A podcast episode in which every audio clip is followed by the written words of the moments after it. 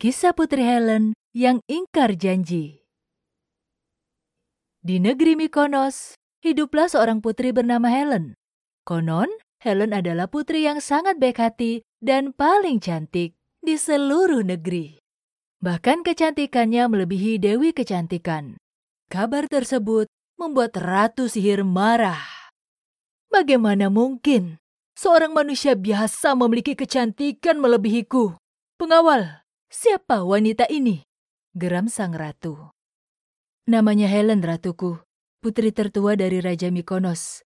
Dia dipuja selayaknya Dewi Kecantikan. Jawab seorang pengawal. Tangkap dia dan jadikan persembahan untuk monster. Pengawal-pengawal Ratu Sihir melaksanakan perintahnya. Mereka pergi ke Mykonos untuk mencari Putri Helen. Rencana jahat Ratu Sihir terdengar oleh putranya, Akil. Akil yang sejak dulu tersentuh dengan kebaikan Putri Helen memutuskan untuk pergi menyelamatkan sang putri. Dia mengenakan topeng untuk menyembunyikan wajahnya.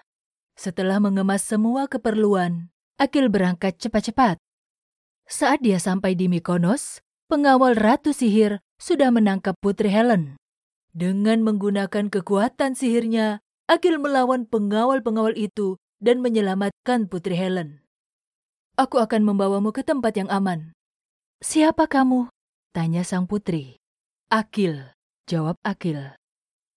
Mereka sampai di sebuah kastil megah di lereng gunung yang tidak diketahui. Putri Helen takjub melihat kastil semegah itu di tempat terpencil ini. Tunggu, siapa kamu? Tanya Putri Helen lagi. Aku adalah sahabatmu.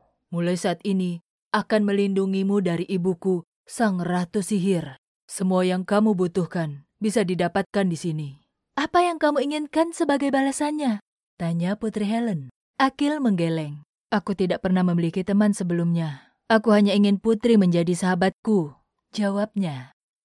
Baiklah, kata sang putri. Tetapi berjanjilah satu hal. Kamu tidak akan pernah membuka topengku apa pun yang terjadi. Jika kamu melanggarnya, semua perlindungan ini akan hilang, dan ibuku akan menemukanmu. Putri Helen pun berkata, Aku akan menepati janjiku.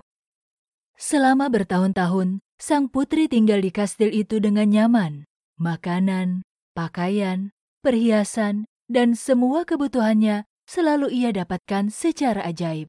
Satu atau dua kali dalam sebulan, Akil berkunjung agar Putri Helen tidak merasa kesepian. Suatu ketika, Putri Helen mulai penasaran dengan wajah Akil. Ia ingin sekali melihat wajah di balik topeng itu. Jika memang wajah di balik topeng itu tidak rupawan, tidak masalah bagi Putri Helen. Akil tidak harus menyembunyikan wajahnya di depan sang putri. Lalu, pada suatu malam, saat Akil berkunjung dan tertidur, Putri Helen mengambil sebatang lilin. Dia menghampiri Akil dan perlahan-lahan membuka topengnya. Putri Helen melupakan janjinya. Ketika topeng berhasil terbuka, Putri Helen terkejut. Wajah di balik topeng tersebut adalah wajah seorang laki-laki yang rupawan. Setetes lilin jatuh mengenai wajah Akil, membuatnya terbangun. Akil berteriak kesakitan. Lelehan lilin di wajahnya terasa panas menjalar ke seluruh tubuh. Putri, kamu ingkar janji. Aku sangat kecewa padamu. Kastil yang selama ini terlihat begitu kokoh dan megah, perlahan-lahan memudar. Akil yang merasa sakit karena lukanya dan rasa kecewa yang terlalu besar, akhirnya memilih meninggalkan Putri Helen. Membiarkan Putri Helen berteriak meminta maaf dan mengungkapkan penyesalannya. Tetapi apa yang sudah terjadi tidak bisa diulang kembali. Akil meninggalkan Putri karena merasa kecewa.